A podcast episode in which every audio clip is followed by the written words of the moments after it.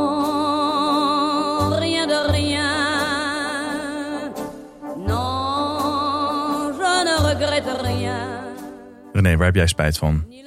In het leven? Ja. Veel dingen. Wat, ja, oké. Wat schiet je te binnen als eerst? Als ik Eh, vraag? Ringbaardjes in het verleden. ja. Turtleneck sweaters. Mhm. Dat ik SP heb gestemd voor de Tweede Kamerverkiezingen van 2002. Dolce e Gabbana zonnebrillen. Het gehele jaar 2020.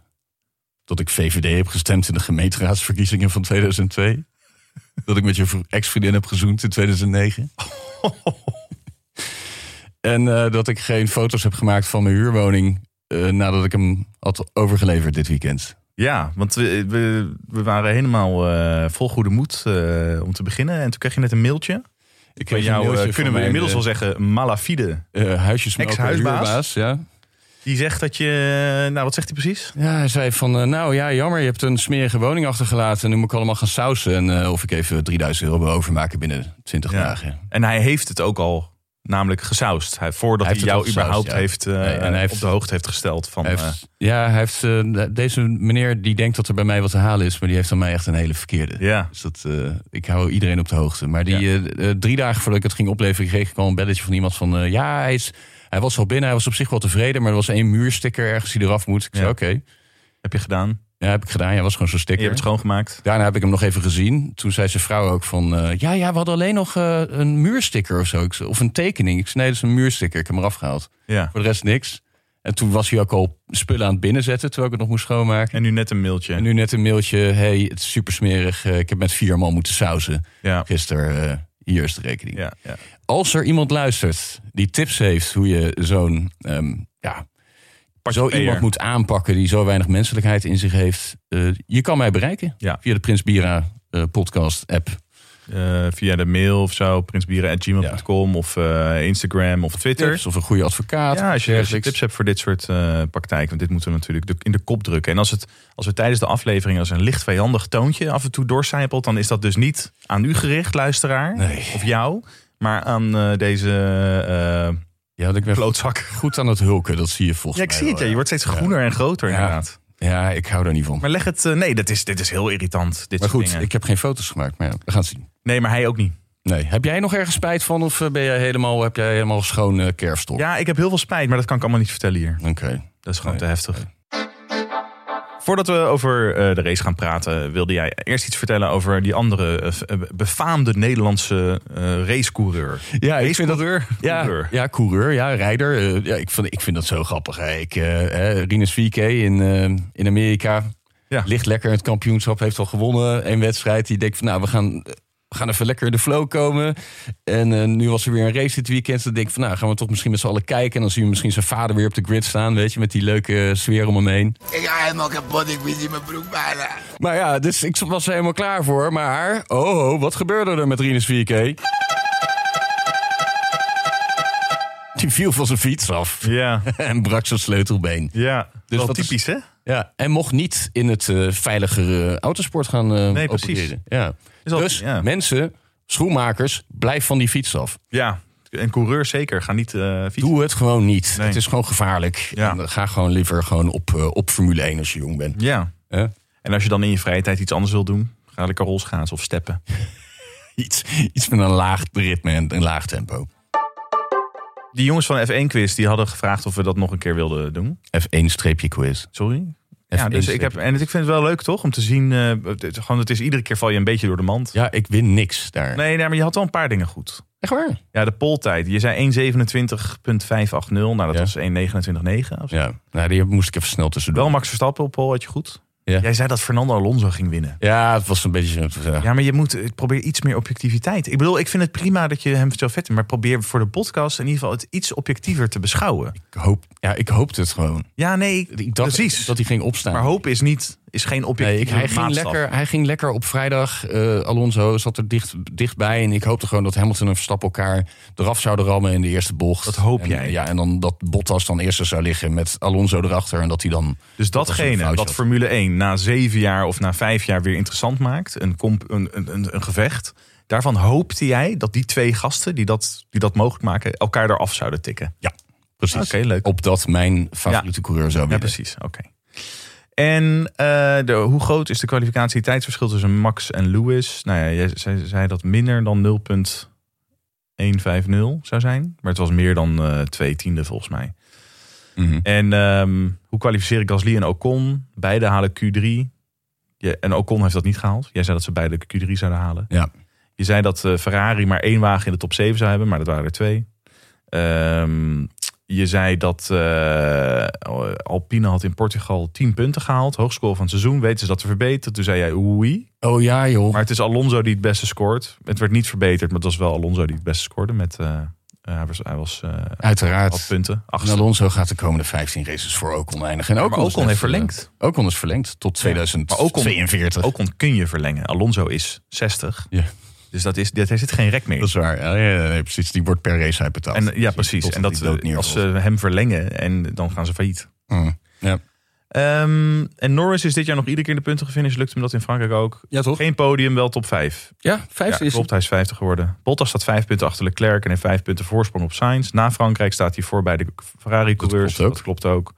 Max staat 4 punten voor op Lewis en Red Bull staat 26 punten voor op Mercedes. Na Frankrijk gaan Max en Red Bull nog steeds aan de leiding. Ja, nou, het viel Dus dus mee. Je heb hebt de helft goed of zo. De Niet helft. gewoon gewonnen of zo? Ja, nou, de hel- ja, misschien heb je wel gewonnen. Zullen we dat eens gewoon even checken zo? Nou, Eh, nee, we hebben echt totaal niet gewonnen. We zitten Nee. ergens in het midden. Nee, ja, iets voorbij het midden. oké. Echt- ja, Wees zoals Alonso. Ja, hè, de winnaar die had een poltijd van 1.30. Oh ja, dat is wel een beetje een Zit je dichterbij, toch? Het was 31. Nee, het scheelde het was 10.000ste of zo, weet ik veel. Shit. Moet hij echt beter in geworden? 10.000ste, is dat hetzelfde als 100ste? Ja, Ja, oké. Ja. Heel knap van jou. Ja, dat wist ik. Was hier altijd wel slecht in, maar Ja. het valt Nee, nu... deze, deze valt mee, ja. 20 jaar later valt alles Ja. op zijn plek. Oké. Net zoals bij Red Bull dit jaar. Ja. Hè? Mhm. Laten we even naar de race gaan.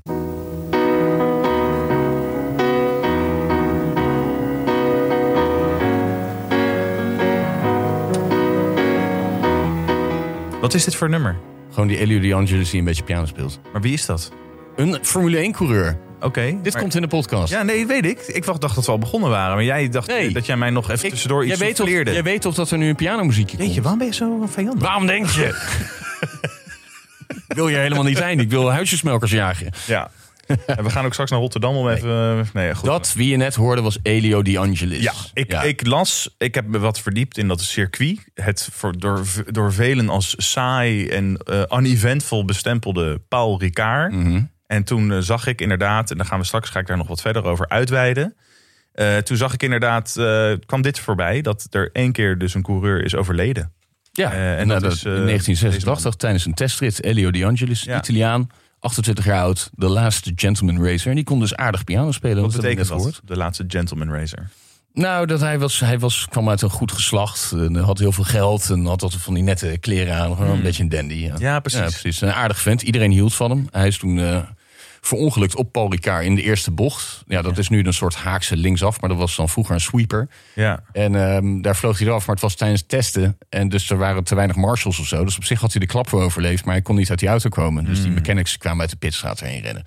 Maar de, hij was altijd heel geliefd, dus hij speelde ook altijd piano voor alle andere coureurs. Oh, ja? KK Rosberg is eh, na dit ongeluk van Di Angelis... eh, heeft hij besloten om met pensioen te gaan dat jaar. Oké. Dus ja, maar dat heeft dus de, de Paul Ricard heeft die eh, geschiedenis wel. Ja. Dat Ja, is in 1970 gebouwd en dat was al toen het modernste circuit. En daar gingen ze ook altijd heel vaak testen.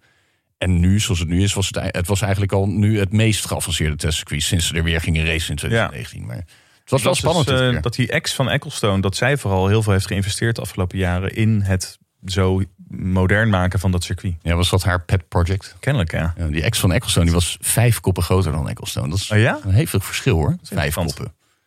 Ja, ja. Ehm, net zoals, dat is dus hoe het voor jou is om eigenlijk naast willekeurig welk ander mens te staan. Ja, klopt. Absoluut. Ja. En ehm, ehm, eh, dat circuit, ja. En toen ging hij, ja, in die eerste bocht gesproken, dat is dus, maar die is dus nu anders. Mhm. Daar ging Verstappen niet helemaal lekker gisteren. Nee, Die had de A Gust of Wind. Ja, dat zei hij. Ik dacht eigenlijk dat hij een foutje maakte. Dat hij een beetje onder druk eh, soort van eh, bezweek, een stukje. Mhm. Maar Nou ja, denk je dat het... Is je winst, ja. Maar ja. het maakt uiteindelijk niks uit. nee, Nee, dat maakt er niet zo uit. Het was, ehm, ik weet nog dat ik jou eh, twee jaar geleden, toen er dus eh, de, vorige race was. eh, Formule 1 is dood, overigens, stuurde ik jou toen na de race. Ja, klopt. Denk Dat wel de saaiste sport op aarde. Toen zei hij, ja, is vreselijk. Vanmiddag nieuw dieptepunt. Ik, natuurlijk nog, ik word er gewoon een beetje boos van. Ja, dat was de eerste, de achtste race van 2019 was Ja. dat. En toen waren er acht saaie races op rij geweest. Ja. Waar Hamilton er zes van had gewonnen. Ja. Dat was verschrikkelijk. Het was verschrikkelijk. En toen eh, was het een beetje dat mijn ontkiemende fanschap werd eigenlijk weer de kop ingedrukt. Ja. Eh, door, door, door die races. Met dan als dieptepunt deze. Mhm. Dus Frankrijk twee jaar geleden. En eh, we, we deelden dat ook in een chatgroep met wat vrienden. En iedereen was het ermee eens. Van nou, dit is echt super gaar. En als dit zo doorgaat, dan is die sport gewoon klaar. Dan, dan gaat hij nooit meer kijken. ja. Maar misschien kunnen we inmiddels eh, Max Verstappen wel bombarderen tot eh, de savior of Formule 1. Ja. ja, absoluut. en eh, goed, hij heeft natuurlijk een competitievere auto. En daar gaan we verder niet te veel over in eh, Nee. We uitweiden. kunnen daar niet over blijven praten. Maar het is Maar het was uiteindelijk, ik bedoel, wij dachten we gisteren, het is een leuk idee om het een keer samen te kijken. Ja. En dat was ook wel leuk, alleen we hebben heel veel van ons kruid al verschoten. Ja. Dus we beginnen natuurlijk alles wat we dan nu willen zeggen. Dat eh, meestal is onze tactiek, we zien elkaar, we spreken elkaar juist niet voor de, voor de Zo aflevering. mogelijk, zodat voor de lekker, opname. zogenaamd lekker fris. Lekker eh, spontaan is. En nu eh, is er natuurlijk sowieso nog een, is het weer gesaboteerd door die, eh, die eikel van een huisbaas van je. Mhm. Ja, maar, Maar, we eh, zaten gisteren de hele tijd tegen elkaar. Dit zouden we morgen in de podcast hebben moeten zeggen. En dat gaan we nu niet meer doen. Ik weet ook helemaal niet meer wat die dingen Nee, er waren. waren ook een paar hele goede grappen. Hele goede grappen. Ja. Ik ben het vergeten nu. Ja. Weg. En nu? Ehm, nou ja, we gaan toch proberen dit eh, in minstens een half uur vol te lullen. Oké. Maar ehm, eh, wat was er met Mick Schumacher aan de hand? Laten we daar dan even naar kijken. Ja, ik weet dat het op mijn lijstje stond om dat te onderzoeken, maar dat heb ik niet gedaan. Oké. Ik, Ik, weet, wat wel leuk is, is dat Nick ja, Heidfeld... dat ga ik nu zeggen. Oh, Dat ja, Nick Heidfeld, die houdt er niet van dat eh, Schumacher wordt, eh, eh, dat, hij puppybescherming geniet door de media. Mhm. Ben ik het compleet mee eens. Ja, Ja. want eh, dat is wat jij eerder ook zei. Hij wordt ons door de strot geduwd. We moeten hem leuk vinden. Het is een Schumacher.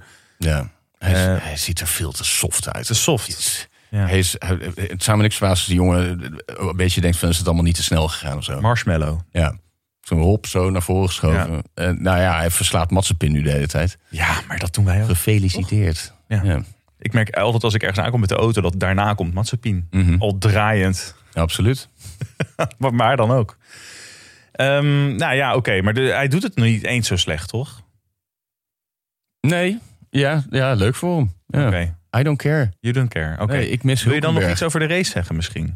Het was wel, ik vond het dus rete spannend. We, we hadden ook heel erg bedacht van we gaan niet op onze telefoon zitten. Nee, dat en toen eh, heb jij dat per ongeluk ook. toch gedaan. Ja, toen toen, wist jij dus wat er, hoe het geëindigd was. Toen, ja, ik heb twee keer per ongeluk op mijn telefoon gekeken. De eerste keer stond er, Bottas zei dat hij met een tweestorper had kunnen winnen. Nou, dat, daar schrok ik niet zo van, want Bottas die wint gewoon niet. Nee, had hij Toen niet. keek ik de tweede keer per ongeluk en toen zag ik staan...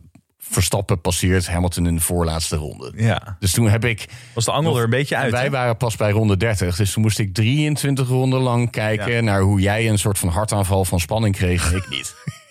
Ja, want En dan af en toe dingen Even- even, van, zou die het halen? Even zeggen, we hebben het op replay gekeken. Want jij dacht, ik kom bij, je komt bij mij kijken. Maar Mhm. mijn kinderen waren erbij, dus het was onmogelijk. Ja, Dus dat kon uiteindelijk pas na achten, toen ze sliepen, hebben we het Mhm. af kunnen kijken. ja. En toen, eh, ja, toen, was, toen was de angel er een klein beetje uit. Maar ik vond het alsnog heel spannend. En ik keek af en toe naar jou. En ik zat dan op het puntje van de bank. En dan zat jij zo van, ja, nou, ik ben benieuwd inderdaad. Haha, je deed, probeerde nog wel een beetje de schijn op te houden voor mij. Dat je het ook spannend vond. ja. Ik heel lief van je. Mhm. Maar ik merkte ik wel een beetje aan je van, je, ja, hij heeft, hij heeft eh, ja, de spa- de angel is eruit. Ja, dat zeker. Ja. Maar dan wist ik nog niet waarom de angel eruit was. Omdat jij teleurgesteld was dat Hamilton weer had gewonnen, bijvoorbeeld. Hoewel wij super objectief zijn. Mhm. Of eh, omdat je al wist van Verstappen heeft gewonnen en dus vind ik het niet spannend meer. Nee, Nee, dat wist ik niet. ja. Maar het was uiteindelijk eh, om het te zien, alsnog, hoe die Verstappen eh, hè, eerst Bottas pakte en toen Hamilton. En dat Perez ook nog Bottas pakte. Gewoon dat die Dat Red fijn, Bulls ja. die die Mercedes opjagen,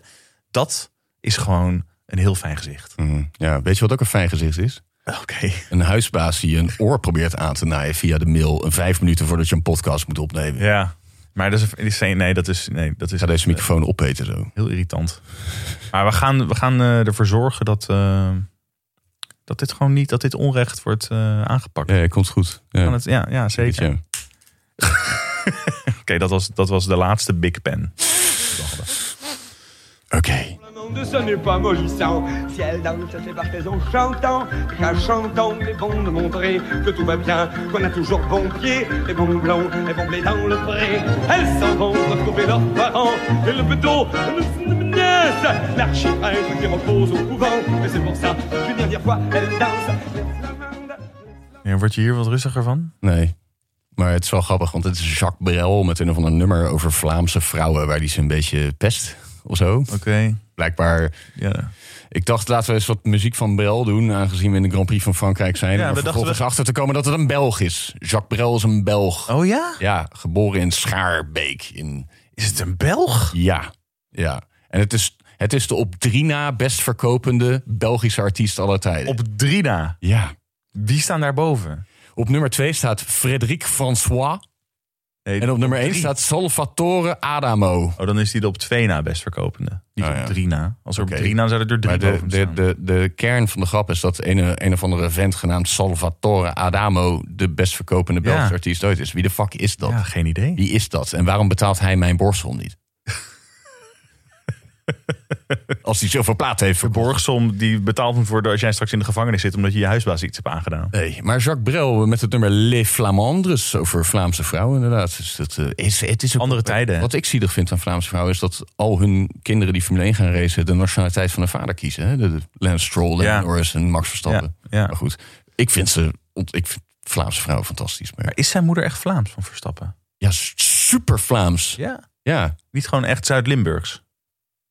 Zuid-Limburgs is Nederlands, toch? Ja? Nee, het is Belgisch. Oké. Verstappen is ook Belgisch. Ja, oké. Had geen Nederlands paspoort tot hij 18 was. Dat is oh, maar toch maar eens even aanvragen. Ja. Niet voor het eerst naar de grote stad. Maar we claimen, verder, we eh, claimen hem wel lekker, toch? Ja, Nee, we wilden deze hele uitzending, dat moet ik nog even zeggen, of uitzending, het is niet live. Deze aflevering een beetje een Frans tintje geven. precies. Dus, en ik kom nu met een Belgische zanger aan. Ja, Die bekend stond om heel veel zuipen. ja. En, en heel energiek op het podium staan. En als je, als je Brel ziet, ook, als je een lidnummer ziet zingen... en je zou het geluid uitdoen... dan lijkt het een beetje op een zwart-wit filmpje... van een Jim Carrey stand-up show. Ja, zo ja. druk met zijn armen. Sorry, nee, ik moet gewoon merken, ik merk gewoon dat we gisteren dit bedacht hadden van Frans thema. En we gaan het een klein beetje afzeiken, maar ook wel bewondering. Het is nu gewoon heel boos allemaal, vooral. Ja, maar dat heeft andere redenen. Ja, maar het is een heel, heel ja. Ja, nee, het heeft een andere echt- reden. Ik ga echt de boel afbreken hier binnen hoor. Want het wordt steeds erger. Ik Ja. zit nu naar rechts te kijken. Dan zie ik Ale- Alex- Alexander Klupping zit me aan te kijken. Ik Ja. denk, als hij nog langer kijkt, vlieg ik die foto. Ja, dat snap ik wel. Dat is trouwens een, hij heeft een gevaarlijk onderwerp als podcast. Hè? Hij, de gadgets Ja. en verdieping. Want Ja, kijk, maar zijn hele hoe ouder je wordt, hoe minder je dat aan kan. Ja, Toen ik ook zo. 15 was, kon ik programmeren in MS-DOS. zie jij mij nu nog wel eens met me? Hoe zie je mij nu met technologie? Ik snap er helemaal niks van. Nee, jij kan je telefoon niet eens opnemen. Nee. Dus hij gaat op een gegeven moment worden zijn afleveringen zo van... Ja, ik weet het niet meer. Ik, weet, ik weet niet wat dit is. Wauw, wat is dit? IPad Pro fucking Flemish Jacques Brel edition bullshit. Echt, jongen. En ik vind dat er ook een hoop fietsen hier zijn, jongen. Ik zit nu weer naar een of andere tekening van een Tour de France renner te kijken. Dit is niet goed voor mijn humeur. Nee. En ik zie jou in paniek raken. God, Nou, ik ben een beetje- podcast, nou, maar ik weet niet waar dit- net 2400 euro aan mijn... Je broek. Ik weet niet waar dit naartoe gaat gewoon.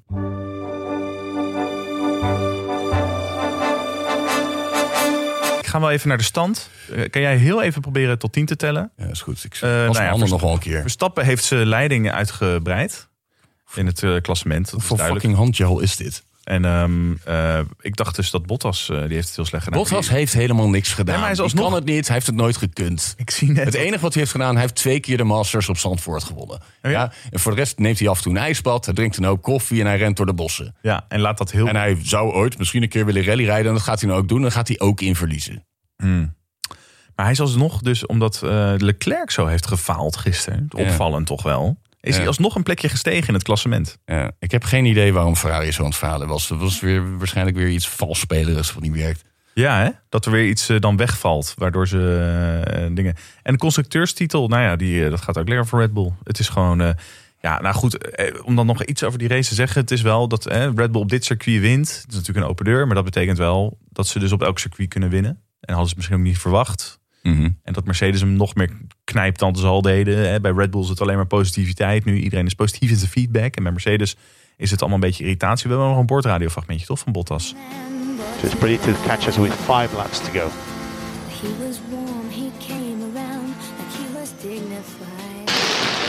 Why the fuck no one listen to me when I say it's gonna be a two-stopper? Fucking hell.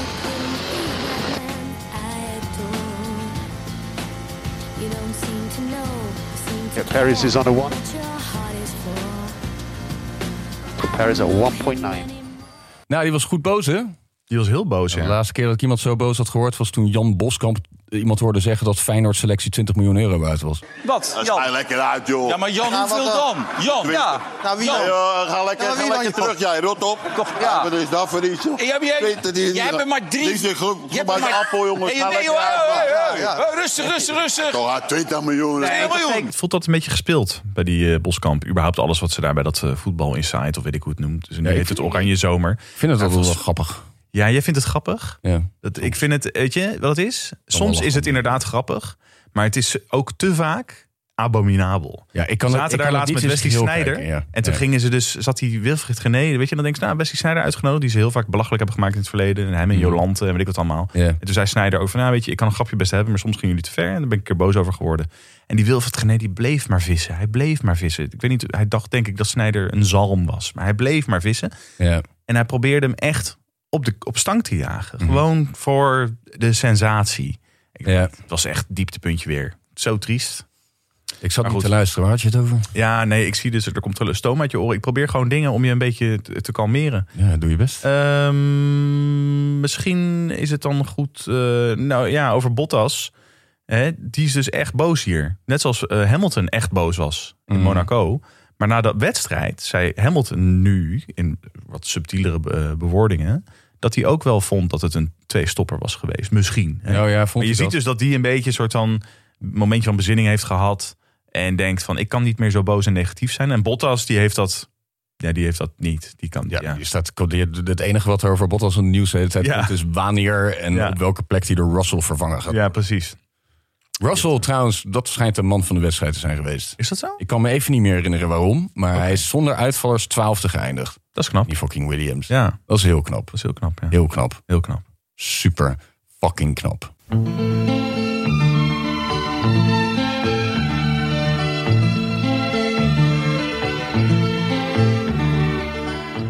F1 Love. Paul Ricard, geboren op 9 juli 1909 en overleden op 7 november 1997 in Marseille. Weet je wie ook uit Marseille komt? Eh, geen idee. Nee. Ehm, Paul Moria, een dirigent en een componist. En die componeerde L'amour est bleu. Dat in 1967 door Vicky Leandros op het Eurovisie Songfestival gezongen werd en de vierde plaats behaalde. Liefde is een blauwtje lopen. En een jaar later in de instrumentale versie onder de titel Love is Blue de nummer 1 positie in de Amerikaanse top 100 wist te behalen. Schitterend, maar dat terzijde. Paul Ricard dus, in een familie van wijnhandelaren geboren. Wilde graag schilder worden, maar dat mocht niet van zijn vader. Als jonge man introduceerde een oude herder hem aan pastis. Een liqueur met een aroma van anijs. In de Eerste Wereldoorlog was dat een verboden drankje net als veel andere anijsdrankjes. Paul experimenteerde ondertussen in zijn slaapkamer met andere smaken. Het precieze recept van Ricard, het drankje waar ik het over heb, is ook nooit bekendgemaakt. Niemand weet wat daar precies in zit. We hebben meer, hè? We meer eh, Coca-Cola, toch? Dat is ook een geheim recept. In de Tweede Wereldoorlog was het drankje weer verboden. Kennelijk hebben ze tijdens de oorlog, eh, zijn ze patriotistisch... en dan wordt dat anijsdrankje gelieerd aan de vijand. Mhm. En vervolgens kwam het weer terug. Maar die Ricard die had door de jaren heen zoveel gezeik gehad over dat eh, drankje... dat hij eh, in 1968 besloot om ermee te kappen. En Zijn zoontje eh, Richard, zag ik ergens. Richard Ricard. Die nam toen het bedrijf Richard over. Ricard, geef hem dan een andere voornaam.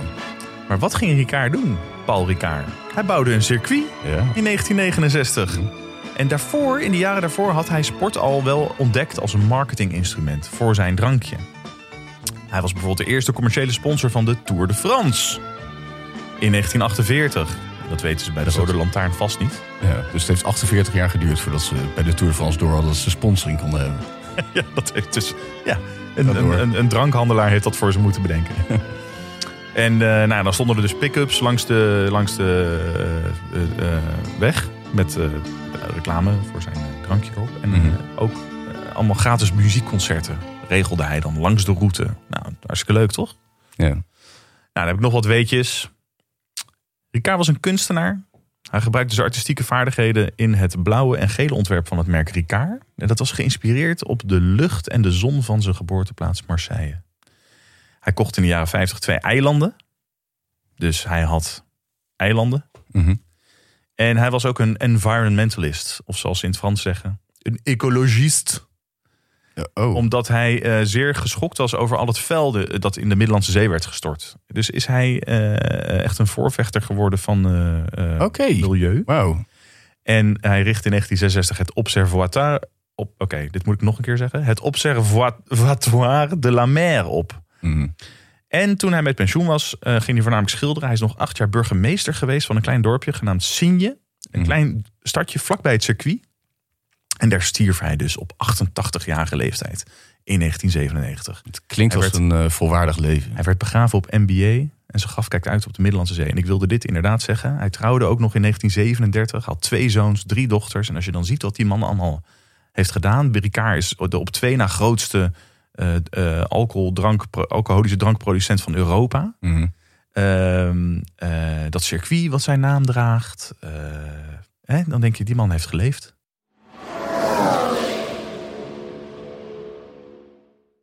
En ik moest opeens, en dat heb ik eigenlijk nooit aan mijn vader denken. Mijn vader was altijd zielsgelukkig als hij in Frankrijk was. Hij zei, ik ben het gelukkigst als ik in een badjas ochtends op straat kan lopen om half zeven en een baguette kan kopen. En ik denk, had hij dit nog maar meegemaakt? Want niet alleen voor mij is dit een droom die uitkomt, maar ik weet zeker dat voor hem ook, ja, hij had dit begrepen, dat dit ooit in mijn leven blijkbaar moest gebeuren. Maar geloof maar, voor mij, het was unaniem een belachelijk groot succes. Hij blijft goed. Hij blijft Wanneer heb goed. jij dit voor het laatst gezegd over een prestatie van jezelf? Niet. Nooit, Ik denk toch? het niet. Ja, nou... Elke nou, keer na- behalve Ja, dan hey, wacht elke- even, even de kijker aan de hand meenemen. Dit is Ivo Nie, die zichzelf recenseert bij Pauw en Witteman... na een theatervoorstelling in het Mogador in Parijs. Ja. Iets van tien jaar geleden. En dat is echt de meest opgeblazen boomer... die hij over zichzelf... Misschien wel de grote doorbraak. Als ik zo kijk naar de reacties in de zaal vanavond. Ze vonden mij. Ze kunnen niet begrijpen dat ik een Hollander goed Frans spreekt. Ja. Heb ik ooit zo gesproken? Ik denk, ik, ik, toen ik in een bandje zat, vermoed ik dat ik wel eens na een optreden ook wel eens misschien een glimp daarvan naar vrienden heb gedaan. Ja. Maar dan gelijk al bij mezelf door had. Nee, dit moet je niet niet. doen. Dit moet je niet doen. En misschien elke maandag na als we de opname hebben gedaan en we naar buiten lopen hier. Ja, maar dan maak jij je er ook schuldig aan. Ja, nee, er zijn ook genoeg maandagen waarin wij in totale blinde paniek Nee, naar dat buiten ik lopen. maakte van, ook eigenlijk een grapje. hè, Ik maak we doen dat nooit. Ja, precies. Maar dit zijn wel echt, dit is een heer, ja, dat boomers die dol zijn op Frankrijk. Hè? Ben jij Ja. dol op Frankrijk? Ik heb echt, en dat heeft niks Nee. met mijn huisbaas te maken. Ik heb echt een beetje een aan Frankrijk. Nee, ja, ik ga er wel naar op, op vakantie. eh, Ja, waarom blijven mensen toch op vakantie gaan naar Frankrijk? ja, Ja, omdat je met de auto er naartoe kan. naartoe en dan kom je op zo'n Ja, camping, en dat zes uur verder weg. en weer van zogenaamd. Nederlanders en van die bruine broeken aan. En zo, wat een grote rit hè, Ja. allemaal. Zo, zo. Ik vind het vooral grappig dat Nederlanders massaal dat het nog steeds het populairste vakantieland is. Maar dat eh Fransen echt een bloedhekel aan Nederlanders hebben. Ja. En dat wij dat prima vinden. Maar het ziet er allemaal mooi uit, dat geef ik toe. Maar als je op zoek, als je, op zoek gaat, je rijdt rond en je denkt het is fantastisch. Maar als je op zoek gaat naar eten, dan ben je of veroordeeld aan dan zo'n vieze, stinkende snackbar in zo'n dorpskern. Mhm. Of zo'n grote supermarché, ken je die? En als je Ja. dan een restaurant vindt, dan krijg je allemaal, dan zeg je mag ik slakken. En dan krijg je een bord gesmolten Ja. kaas. Want ze, ze gooien overal saus op hè, en zo. Ja, nee, ja. Of jouw het- idee van jouw, jouw, jouw blik op bepaalde culinaire eh, windstreken Mhm. is wel een beetje. Ik weet niet zo goed wat er gebeurd is in, jouw in jouw jeugd of in jouw opvoeding. Ja, Maar een hoop. ja, net zoals in het heden. Ja. Ehm, Oké, Ivonie. Ja, nee, opgeblazen, pompeuze boomer. Leuk, eh, leuk om dat zo te benoemen. Trouwens, over pompeuze mensen gesproken. ik, had, ik vroeg me nog af, die Perez die kwam op een gegeven moment buiten de track limits. Ja, Ja, ik snap nog steeds niet waarom hij daar niet voor bestraft werd aan het einde. Maar nee. onze pompeuze pit reporter Klaas Jacob, die... eh, Oh, is hij er weer? ja, Heeft hij, wat, eh, heeft hij daar wat over te buurt, vertellen? ja. Klaas Jacob, hoor je mij? Yes, hallo. Klaas Jacob hier. Eh, we vroegen ons af waarom Sergio Perez niet bestraft werd toen hij buiten de track limits ging aan het einde van de race. Interessante vraag, maar vraag eerst eens hoe het met mij gaat. Oké, hoe gaat het met jou? Nou, het gaat supergoed met mij. ik stil de hele ochtend hier op het eh, strand bij uh, Fréjus aan de Côte d'Azur zit ik oesters te klappen. Dusdanig dat het eiwit uit mijn oren spuit bijna. Ik ga zo eens even lekker een flesje Sancerre openen. Want ik, eh, ik krijg mijn geld gewoon niet op. Ik krijg het niet op. Ik krijg het gewoon niet op. Vraag eens hoe? Hoezo dan? Nou, ik heb een nieuw businessmodel gevonden. Raad eens. Hoe? Zo krijg je je geld niet op. Wappie business.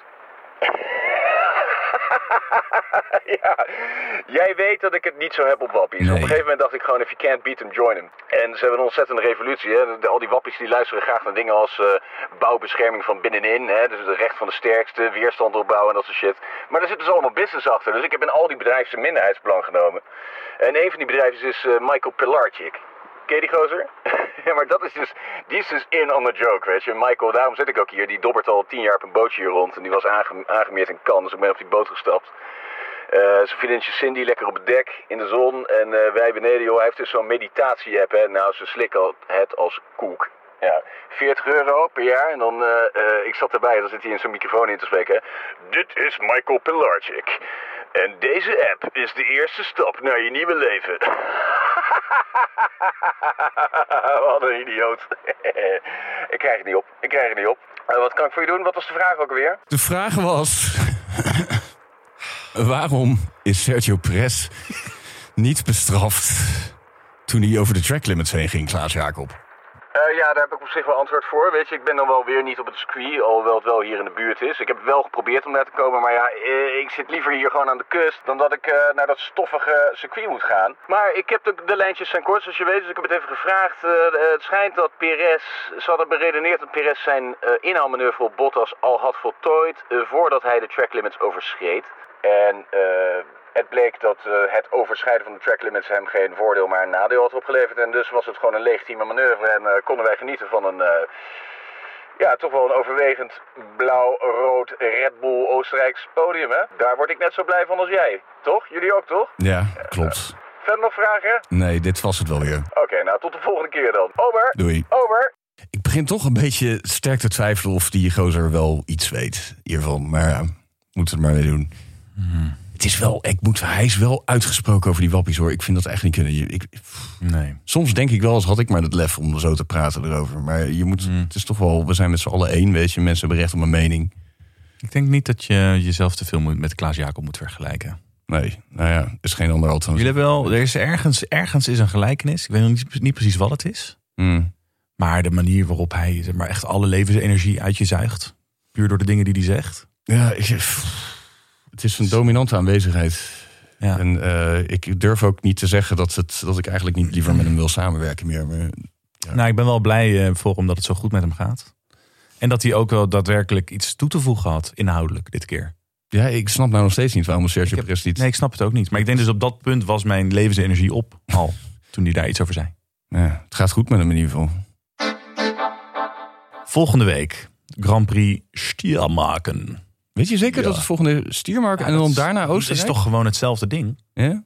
Nou, Hetzelfde ding. Ja, ze hebben nog een poging gedaan om het eh, dan de, de, de volgende keer andersom te doen. Maar dat was iets te veel werk. want is het helemaal precies hetzelfde, het circuit? Ze gaan Ja. het niet eh, op geen enkele manier veranderen. Oké. Nou ja, ik zie hier echt staan, ja, 27 juni GP Stiermark. En dan daarna 4 juli de GP Oostenrijk. En dan iedere keer hetzelfde Oostenrijkse vlaggetje ervoor. Jammer. Red Bull Ring. Dus als hij die allebei wint, Verstappen, dan is hij er wel, toch? Nee, Nee? Hmm. Dan, de, de- ze komt nog een zomerstop aan. eh, dus ze kunnen nog andere dingen bedenken. Alhoewel dat minder is dan vroeger met die... budget- Ja, nee. Ja. Ik, eh, ben Maar ik heb er wel, eh, ik heb wel goed gevoel bij. ik zie dat ik inderdaad eh, dus in dat eh, door ons zo geliefde Frankrijk ben eh, tijdens de Grand Prix van Hongarije. Oh, grappig, ja. ja. Kijk hoe we dat gaan doen. Nee, ik, het gaat goed komen met Verstappen dit jaar. Het moment dat hij uitgenodigd wordt om door de grachtengordel rondgevaren te worden... en dat hij dan nee zegt, geen interesse, dat gaat komen dit Ja. jaar. Nou ja, het is ook wel. Ik vraag me af of hij ooit in Amsterdam is geweest, überhaupt. Ja. Toch? Boeit hem niet. Nee. Nou ja, laten we eh, afsluiten. Ehm, hoe nu verder deze dag, vandaag? Nou, ik moet hard aan de slag eh, eh, mijn eigen recht op... De, op Ja, de- de messen slijpen. Dus schrijven, nogmaals, als, we, als er onder onze luisteraars iemand zit met de enige juridische kennis, weet je, over hoe je zoiets kan aanpakken, Mm. nou laat het ons vooral weten. Alsjeblieft. En, eh, ehm, dan eh, krijg je een eervolle vermelding. En ook, ook, we hebben een aantal mensen op de wachtlijst staan voor onze Prins Bira Mok. Die wel of niet ooit gemaakt gaat worden. Nou, nu zeker niet als ik dit moet betalen. Maar dan, eh, dan ben jij de eerste die hem krijgt. Ja. Tot volgende week. Doei. Paul Ricard est décédé la nuit dernière. Son nom restera associé à un apéritif qu'il a créé et qui a fait le tour du monde. Paul Ricard, c'était aussi un passionné de sport mécanique et un amateur d'art, un homme d'affaires et d'action. Christophe Bardi. C'est un véritable géant du monde des affaires qui vient de disparaître. Né en 1909 à Marseille, ce fils de négociant en vin fera son apprentissage dans l'entreprise familiale. Paul Ricard a 23 ans lorsqu'il met au point la formule du pastis, une boisson anisée et fortement alcoolisée qui portera son nom. La société Ricard vient de naître. Également surnommé Pastis de Marseille, le Ricard ne cessera plus de s'implanter. Aujourd'hui présent dans 150 pays, il est la première marque de spiritueux en Europe et la troisième dans le monde.